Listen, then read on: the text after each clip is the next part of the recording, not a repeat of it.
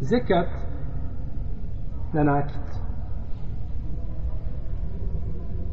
Islamski učenjaci iz prvih i potrednjih generacija se razilaze da li se plaća zekat na nakit. Znači, veliko je razilaženje među pravnicima da li se plaća zekat na ono što se koristi kao nakit. Imamo više mišljenja po ome pitanju, ali su dva najutemeljenija i najpoznatija kod hadijskih, kod, kod fikskih uh, učenjaka ili kod uh, islamskih klasika. Jel? Prvo je mezheb džumhura u leme, većine u leme, da se na nakit ne plaća zekjat. Da se na nakit koji, nose, koji nosi žena ili muškarac ne plaća zekjat uglavnom kada spominje nakid, spominje se, jeli, žena. Spominje se, znači, žena. I to dokazuje hadisom koga bilježi Ibn Džouzi u kome stoji Lejse fil huligi zekijatun nije, nema na nakid zekijat. Ovim hadisom dokazuje znači Džumhur Leme da nema šta zekijata na nakit. Je li hadis jasan argument? Ili nije? Jeste. Jeste. Jeste, hadis je jasan argument, ali je bako. Nije bilo dostajan. Ispravno je da sto riječi Džabira radijallahu anhu, kako kaže imam al-Bihepi, nije vjerodostojan hadis kao hadis, nego su to riječi ashaba. I prenosi imam Malik, imam Elbe, inti sa vredostojnim lance prenoslata od Napi, od Ibn Omara, da je, da su njegove čirke imale zlato i nije davao na njega zekat.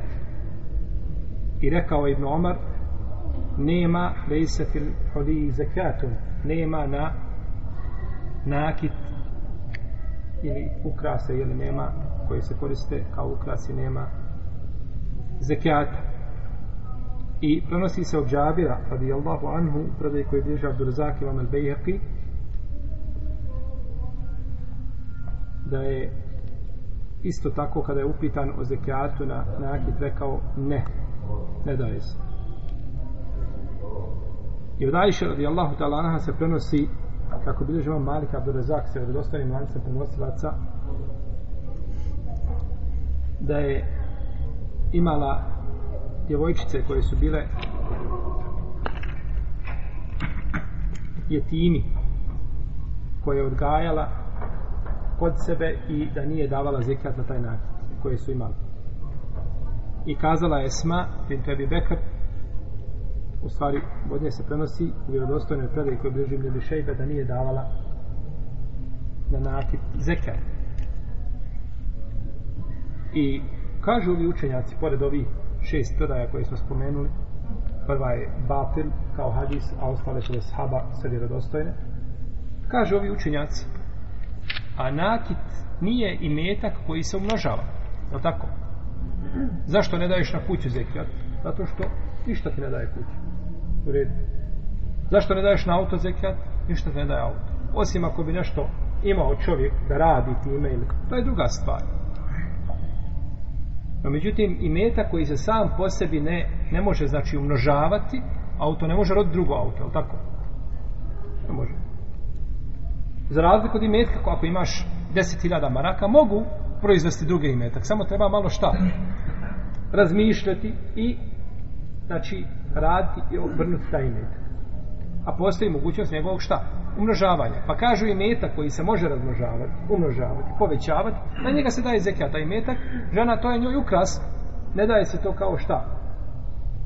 Ne daje se, u stvari nije metak koji se umnožava, pa ne daje se na njega zekija. Jer bi u tom slučaju zekijat šta pojeo i metak. A cilj je šarijata da se metak umnožava, a ne da ga šta zekijat pojeo. To je prvo mišljenje. Drugo mišljenje je da se na zeka onda se na ime da se na na, na uh, one ukrase ili nakit daje daje zeka bilo da ga je da se oblači, da se znači koristi ili da se ostavi negdje u ovom slučaju na nakit bi se davao zekijat i ovo je stav imama Ebu Hanife, imama Ahmeda po jednom rivajetu i Ibn Hazm to isto kaže i to se prenosio od Abdullah ibn Mesuda i od Abdullah ibn Amra ibn Lasa i od Ajše.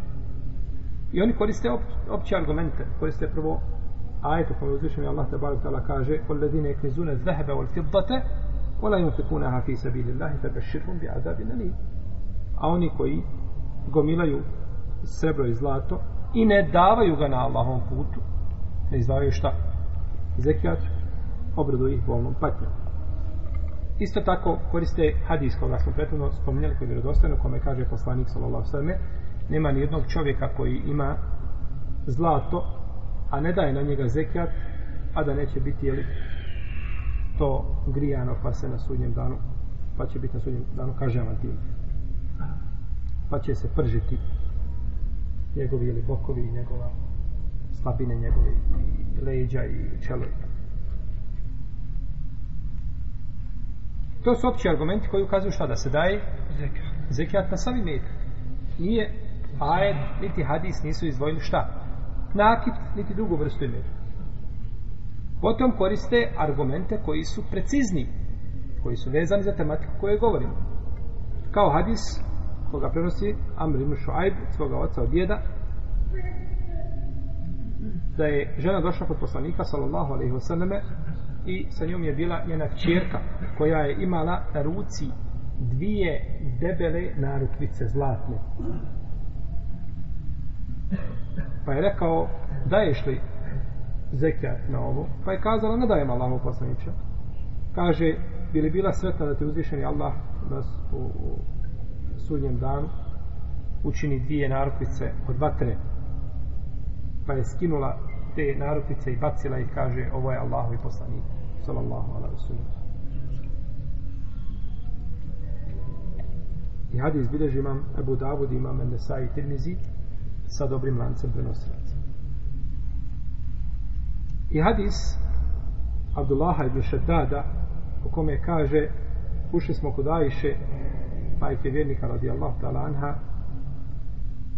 pa je kazala Ušao je kod mene poslanik sallallahu alejhi ve selleme, a ja sam imala nešto nakita od srebra. Pa me upitao šta je ovo Ajša? Pa sam kazala Allahov poslanice, to sam tako sebi napravila da bi se tebi uljepš, uljepšala. Pa je rekao poslanik sallallahu alejhi ve selleme, a daješ li zekat na to? Pa je kazala ne daje. Pa je rekao to ti je dovoljno za vatru džehennema. I ovaj hadis bilježi je Budavud i Dare Kutni, ali njegov lanc proslaca ima slabost. Treći hadis Esme bin, bintu Jezid da je kazala ušla sam ja i moja tetka kod poslanika sallallahu alaihi wasallame a ona je imala zlatu narukvicu pa je upitala da li daje zekjat na to zlato pa je kazala da ne daje kaže za se ne plašiš da će uzvišeni Allah te mu krasiti narodnicom od vatre dajte zekat na to bileži ga tabarani sa slabim lancem prenosilaca i prenosi se od Abdullaha ibn Mesuda radijallahu anhu da je upitan da ga žena jedna upitala o nakitu i zekijatu na nakit pa je kazao kada bude dostigao 200 dirhema daj na, znači daj za njega daj za njega zekijat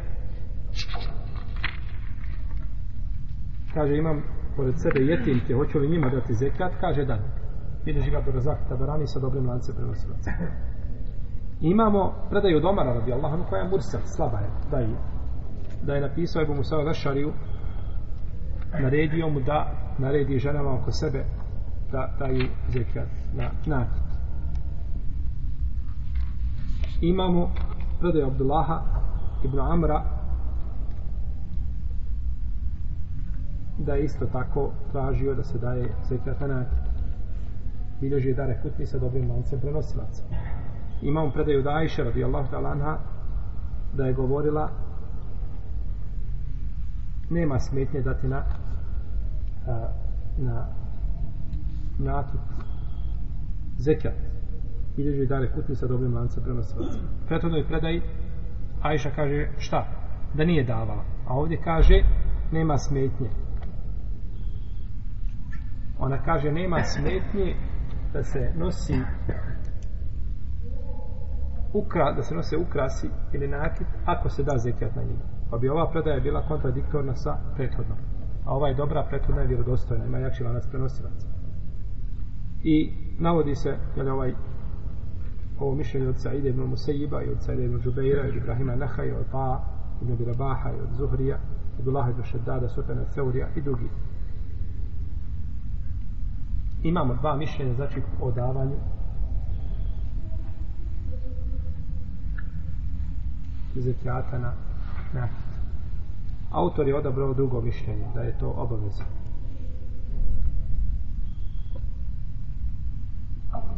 I svakako da ovo mišljenje ima svoje mjesto.